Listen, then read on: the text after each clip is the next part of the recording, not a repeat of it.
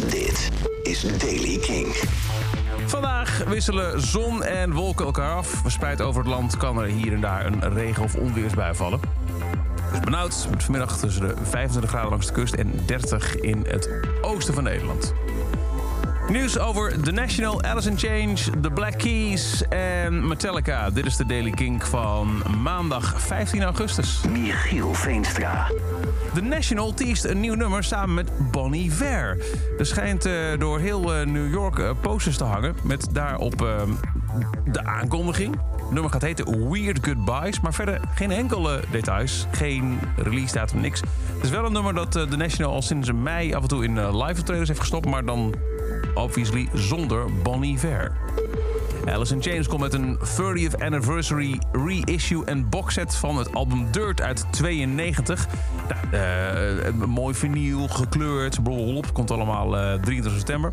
Maar eind oktober komt er ook een gigantische box. Voor 275 dollar krijg je dan een dubbel LP op oranje vinyl, een cd met geremasterde audio, vier showposters, eh, een nieuw bedachte albumhoesen.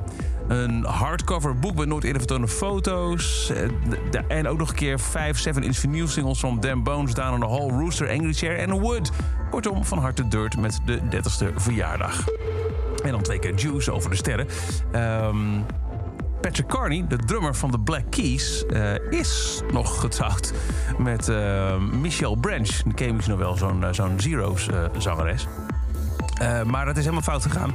Ehm Michelle Branch beschuldigde Patrick Carney vorige week op Twitter van vreemd gaan... en is nu gearresteerd voor huiselijk geweld. Ze zou hem hebben geslagen.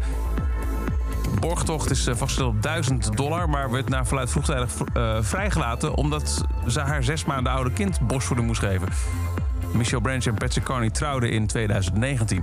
En in alle stilte heeft ook James Hetfield de scheiding aangevraagd van zijn vrouw Francesca. Zij waren al 25 jaar getrouwd en deelden samen drie kinderen. Ehm, het is al gebeurd in februari, maar nooit echt eh, publiekelijk gemaakt. Ze trouwden op 17 augustus 1997. En eh, Hatfield heeft door de jaren heel regelmatig Francesca bedankt... voor het helpen van hem door de moeilijke tijden... waaronder al zijn verslavingsproblemen. Tot over deze editie van The Daily Kink. Elke dag een paar minuten bij met het laatste muzieknieuws en nieuwe releases. Niks missen? Luister dan elke dag via de Kink-app, kink.nl... of waar je ook maar naar podcast luistert. En voor meer muzieknieuws en nieuwe muziek... luister je s'avonds om 7 uur naar de avondshow Kink in Touch. Elke dag het laatste muzieknieuws en de belangrijkste releases in de Kink. Check hem op kink.nl of vraag om Daily Kink aan je smart speaker.